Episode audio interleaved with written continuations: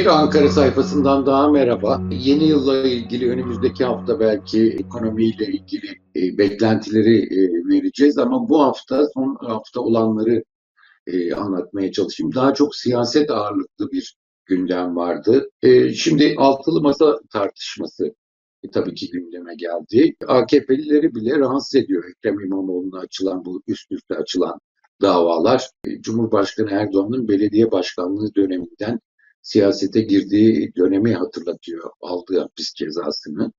E, ve AKP'lilerden de e, bu işten rahatsız olanlar anketlere göre rahatsız olanlar olduğu da çok açık. Belki e, AKP altılı masayı sıkıştırmaya çalışıyor aslında. Amaçlarından biri belli ki altılı masayı dağıtmaya çalışacaklar. E, HDP'nin oyunun altılı masaya geçmesini önlemeye çalışmışlardı. Şimdi altılı masayı kendi içinde bölmek için uğraşacaklar. Yalnız mesele ekonomide İbrahim Uslu'nun dediği bir şey vardı. Ben de katılıyorum. O kadar hükümet bastırıyor ki, o kadar baskıyı arttırıyor ki e, altılı masayı e, oluşturanlar zaten çaresiz. Yani safları sıklaştırmaktan başka çareleri yok ve sonuç olarak e, Cumhurbaşkanı Erdoğan'ın bu taktiği kendisine geri mi dönecek onu da e, bilemiyoruz. Bu siyasi tartışmalar piyasaları e, şimdilik fazla etkilemiş görünmüyor. Ama bu etkilemeyeceği anlamına gelmiyor daha önce de söylediğimiz gibi. En ufak bir rahatsızlıklarda bütün bunlar ortaya çıkacak gibi görünüyor. Bir de e, bununla ilgili tabii ki dış destek konusu var. Dış destek şimdiye kadar Rusya'dan ve Körfez ülkelerinden alındı. Ama adaylar netleştikten sonra önümüzdeki ay e, Şubat ayından itibaren e, büyük ihtimal e, her şey netleşecek, hükümet programları netleşecek. Daha sonra Batı'nın desteği nereye olacak ve bu Batı'nın desteği piyasaları nasıl etkileyecek? Bütün bunlar ortada. Görünen bir şey var. AKP'liler bile, iş adamları bile karşı çıkıyor. Bu mevcut durum sürdürülebilir değil ekonomideki. Yani İTO bile e, baz etkisi nedeniyle enflasyon düşse de rasyonel politikalara ihtiyaç olduğunu söylüyor. E, bütün işverenler aynı görüşte. Şu anda çok yüksek biçimde e, ses e, vermiyorlar, e, dile getirmiyorlar TÜSİAD dışında. Ama önümüzdeki dönem bu seslerin yükselmesi beklenebilir. Belki de Mehmet Şimşek'in e, bakanlığa davet edilmesinin bir nedeni de tekrar davet edilmesinin bir nedeni de bu. Yani sürdürülebilir bir mevcut ekonomi politikasının sürdürülebilir olmadığı ortada. Ama Cumhurbaşkanı e, bu e, şeylerden, e, politikadan dönüş için nasıl bir sinyal verecek? E, AKP'lerin söylediği de bunun yanlış olduğu ortada. Nasıl dönülecek burada? Onun çaresini arıyorlar. Mehmet Şimşek e, bu sefer o yüzden gidilmiş olabilir. E, Mehmet Şimşek henüz e, bu e, atama gerçekleşmedi. Gerçekleşmeyecek mi e, seçime kadar önümüzdeki aylarda? Onu da bilmiyoruz. Belki Mehmet Şimşek bürokrasinin de değişmesini istemiş olabilir. E, Cumhurbaşkanı da seçime kadar böyle bir değişikliği istememiş olabilir. Ama e, ortada olan bir gerçek ne olursa olsun mevcut ekonomi yönetimiyle bu işin götürülmesinin mümkün olmadığını herkes görüyor. AKP yönetimi de görüyor. Ee, belki de Mehmet Şimşek'i e, seçim öncesinde işte seçimden sonra Mehmet Şimşek ekonomi başına geçecek diye e, lanse edebilirler. Bunlar konuşuluyor kulislerde. E, e, ama dediğim gibi mutabık kalınan bir şey var. E, hem e, mevcut e, Hazine ve Maliye Bakanı hem Merkez Bankası Başkanı e, seçimden sonra bu işi götürülebilecek gibi e, gözükmüyor. E, bence e, değişmeleri zaten kaçınılmaz. Ama seçimden sonra mı önce mi olacak? E, güven verebilmek için Cumhurbaşkanı Erdoğan seçimden önce mi bir vitrin değiştirecek? Yoksa seçimden sonra mı bu atamalar yapılacak? Orası belli değil. Ama gideceğine artık e, ekonomi yönetiminin mevcut yönetimin gideceğine de e, kesin gözüyle bakıldığını e, söylememiz gerekiyor. Çünkü seçimden sonrası bu anlayışla ve bu kadrolarla gitmesi mümkün değil. Seçim ekonomisi başladı. Daha önce kredilerde görüyorduk bunu. Asgari ücret zammıyla görmeye başladık. Ee, %24.6'lık bir 2023 enflasyon hedefi var. Buna karşılık da e, Cumhurbaşkanı Erdoğan sürekli olarak diyor ki %20'ye göre herkes hesabını yapsın.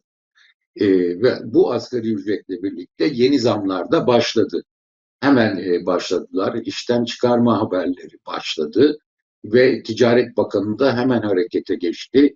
E, işte bunu fırsat bilerek fiyat arttıranları e, yakından gözlemeye başlayacağız gibi bir şey yapıldı. Yani sopayla e, zamlar önlenmeye çalışacak ama önlenmesi de çok mümkün değil. Bence Cumhurbaşkanı Erdoğan da %20'den bahsetse bile enflasyonla ilgili bunun e, gerçekleşmeyeceğini biliyor. Bunu nereden anlıyoruz? E, Cumhurbaşkanı Erdoğan e, açıklama yaparken, asgari ücreti açıklarken dedi ki gerekirse yıl içerisinde bir zam daha yaparız. Şimdi asgari ücretle ilgili 8500 lira e, iyi ücret diyenlerin hepsi neye göre diyorlar?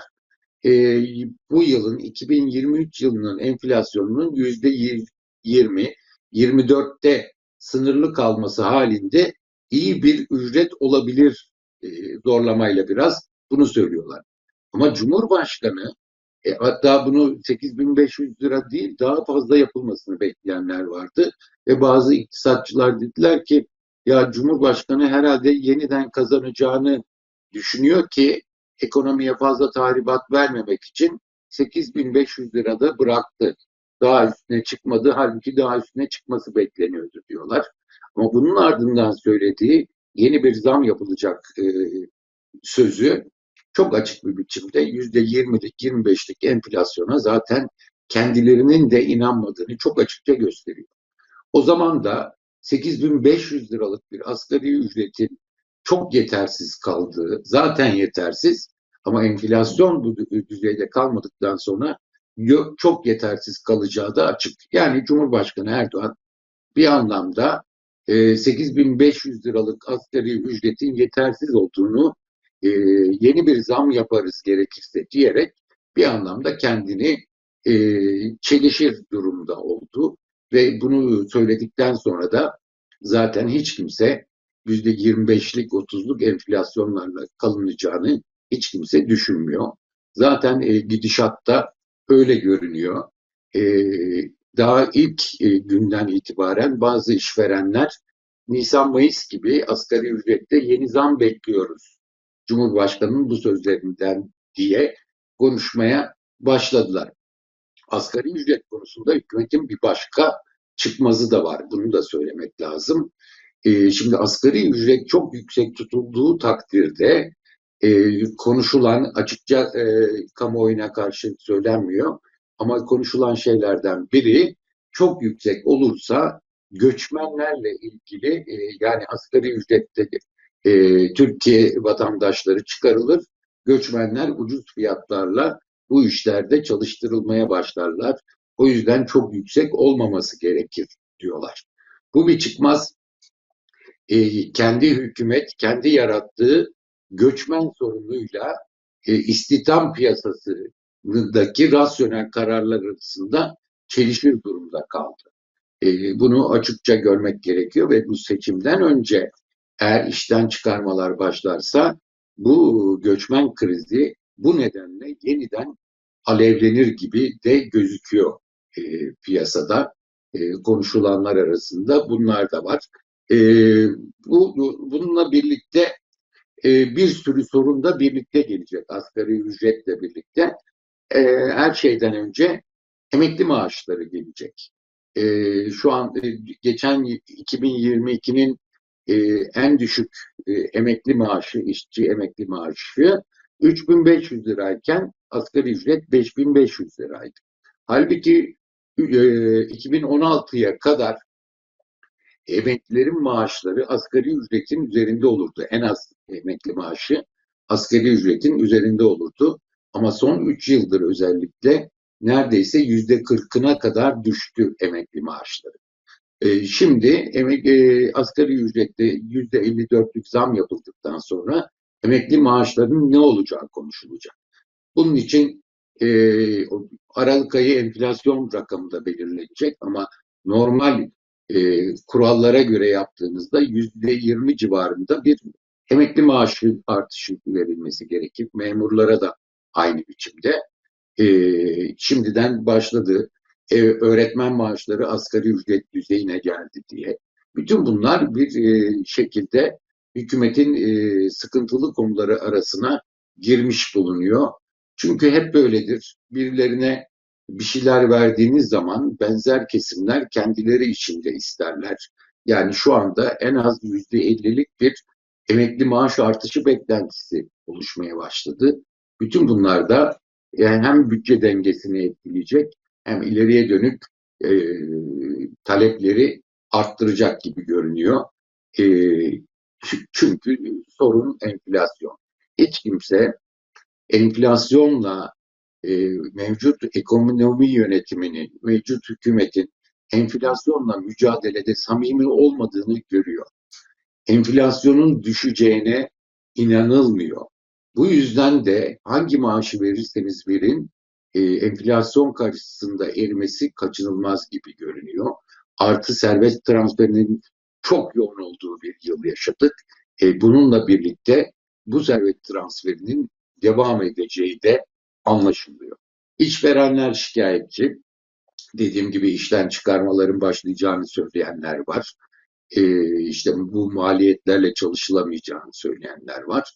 Ee, bu, bütün bunlar olabilir. Ee, bazı e, küçük esnafta sıkıntı olabilir. Ama bir yandan da şunu da unutmamak lazım. Ee, işverenlerin şöyle bir huyu var. Kıdem tazminatı biraz birikmeye başlayan çalışanlarını e, bu yük fazla artmadan temizlemek isterler. E, belki de bu bunun için yeniden bir fırsat kodluyor olabilirler. Ama ciddi biçimde zorda olanlar da olabilir.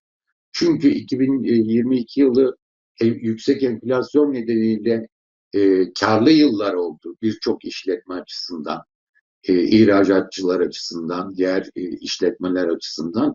Ama bu karlar artık olmayacak e, önümüzdeki yılda bu kar, e, karlar azalmaya başlanacak.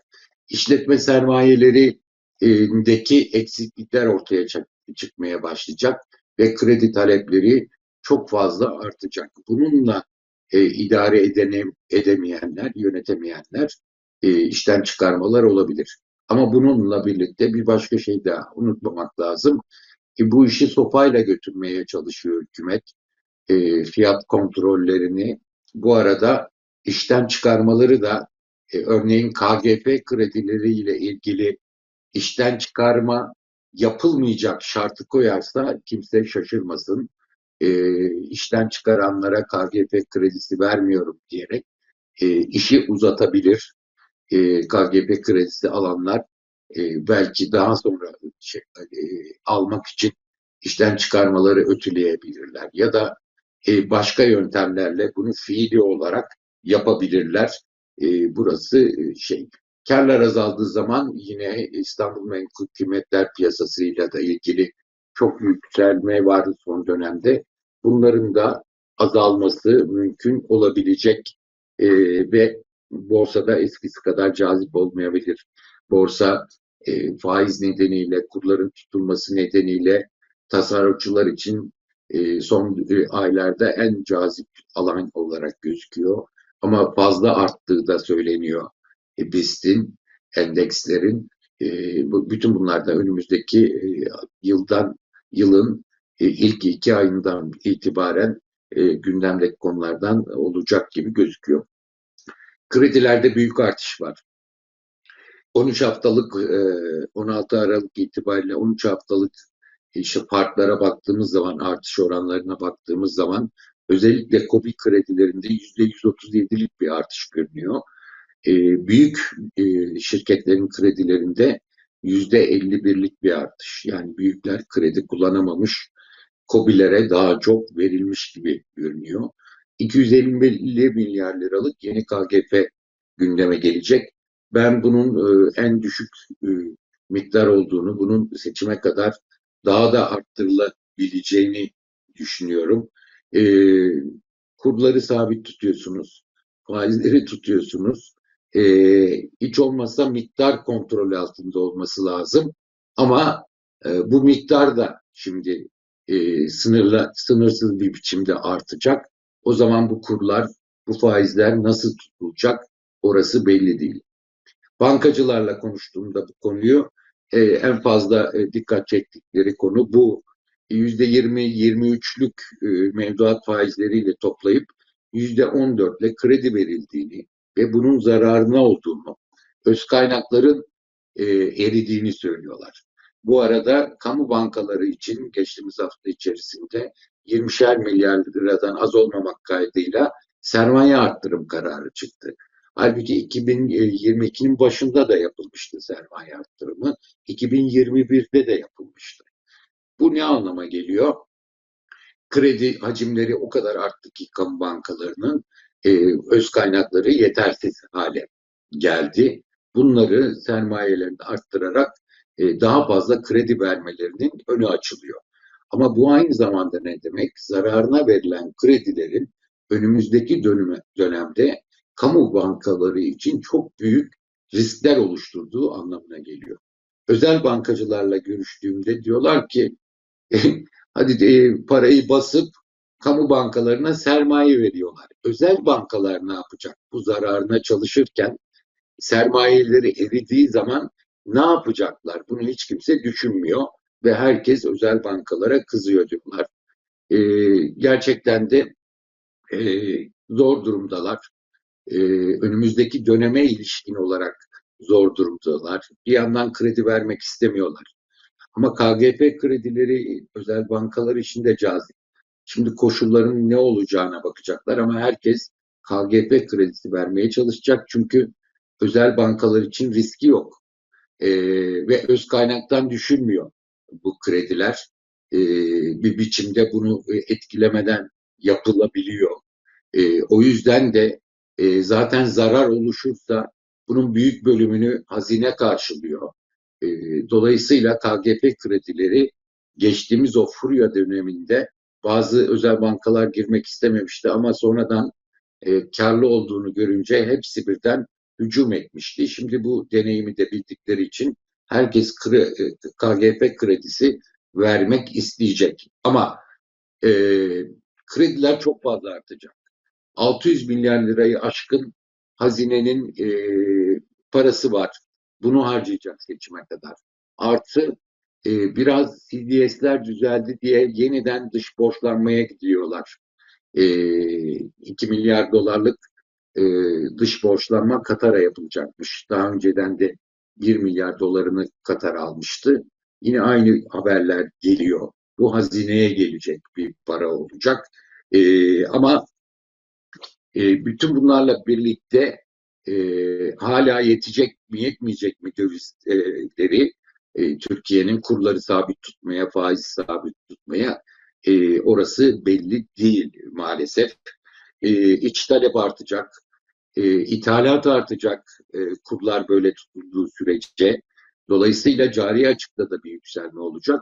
E, dövize olan talep, döviz ihtiyacı daha fazla olacak. Buralar kesin.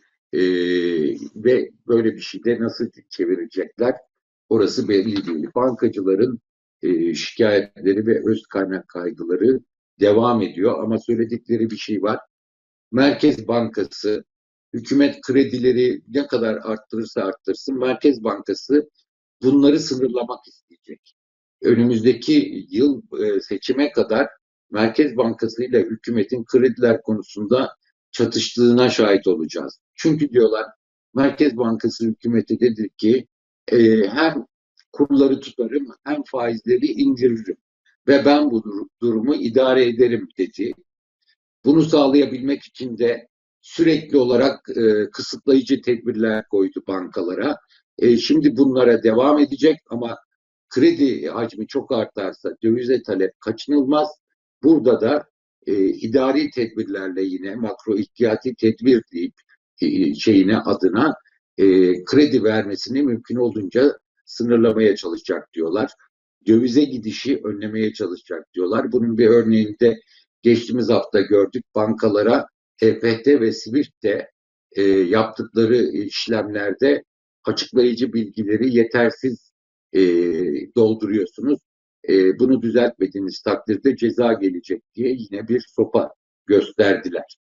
E, böyle böyle rezervler yüksek bir seviyeye geldi. Hem Körfez desteğiyle, Rusya desteğiyle hem de e, kurları tutarak e, böyle bir şeye geldi. Döviz devlet hesaplarında çözülme var. E, 130 milyara büyük rezervler art, e, dayandı.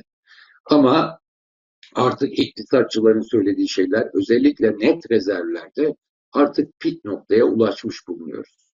Yani 1-2 milyar dolar daha artarsa artar ama önümüzdeki yıldan itibaren düşmeye başlaması kaçınılmaz. İşte o aşamada e, özellikle Şubat'tan itibaren rezervlerde eksi 54'e e, e, yükseldi açığımız, eksi 55'e yükseldi, eksi 56 diye artık rezerv rakamlarındaki net rezervlerdeki swap hariç e, ra rakamlar e, konuşulmaya başlanacak ve azalmaya başladığında trend tersine dönebilir. Seçim yaklaşırken kurlarla ilgili özellikle döviz e, fiyatları artacak diye dövize yeniden talep olabilir diye bir beklenti var. E, bu körfezden yeni gelecek olanlar var mı? E, olacak mı? Bunu ne derece durdurabilecekler? E, orası e, gerçekten tartışmalı. Yani seçime kadar bu işi e, kurları tutarak götürebilir e, algısı e, Şubat'ta Mart'ta bozulabilir gibi bir şey var. Burada bir şey daha söylemek lazım. Rusya ve Körfez ülkeleri yani dış destek şimdiye kadar AKP'nin lehineydi. Ama hem demokrasiden uzaklaşan bir e, hükümet, yönetim hem de ekonomide güven vermeyen bir yönetim Şubat'tan itibaren altılı masanın adayının da belli olmasıyla birlikte işler tersine dönebilir. Yani e, bu sefer dış destek muhalefet yönünde olabilir ve e, o e, son 3-4 ayda gelen körfez paraları döviz rezervlerindeki artışlar tersine çevrilebilir. E, bu ihtimali hiç göz ardı etmemek gerekiyor. Dış destek aynı zamanda dış etki yaptırımlar konusunda da gündeme gelirse bu da yine döviz dengelerini değiştirebilecek e, bir unsur olarak e, ortaya çıkacak. Dediğimiz gibi Şubat'ta Mart'ta e, bu ekonominin gidişatı konuşulmaya başlanacak. Hükümet programları belli olacak, liderler belli olacak, sahaya inilecek. Burada ne kadar durdurulmaya çalışılırsa çalışılsın, altılı masanın özellikle güven vermek açısından ileriye dönük daha avantajlı olacağı gözüküyor gibi e, baktığımız zaman. E, çünkü hem kadrolar e, yeterli gözükecek hem de hükümet programında gerçekten tüm kesimleri e, memnun edebilecek rasyonel ekonomik politikalara yer verilmesini bekliyoruz. Yani Türkiye hak ettiği yerde mi, Türkiye ekonomisi hak ettiği yerde mi bu tartışılmaya başlanacak seçim yaklaştıkça. E, bu da e, birilerinin lehine olacak bu tartışmalar gündeme geldiği zaman. Gerçekten Türkiye'nin önünde çok önemli fırsatlar var. Arsa değeri Türkiye'nin yeniden arttı. Bunu ekonomiyi başarılar için kullanma fırsatı ortaya çıktı. Ama herkes görüyor ki e, yeni bir dönüşüm var, küresel dönüşüm, e, üretimde, ticarette. Bu dönüşümü yönetebilecek bir e, mevcut yönetim aklı e, buna çok müsait değil. Mevcut dönüşümü yönetmek için yeterli değil. Bu görülüyor. Bu geniş halk kesimleri tarafından görülürse, bunun için muhalefet başarılı olursa anlatmak için e, seçimlere girilirken e, şu anki karamsar tablonun ne kadar baskı olursa olsun e, düzeleceğini de unutmamak gerekiyor. E, daha sonra e, özellikle e, önümüzdeki hafta yeni yıla ilişkin beklentileri daha detaylı e, e, paylaşmaya çalışacağım. E, şimdilik e, iyi haftalar, haftaya görüşmek üzere.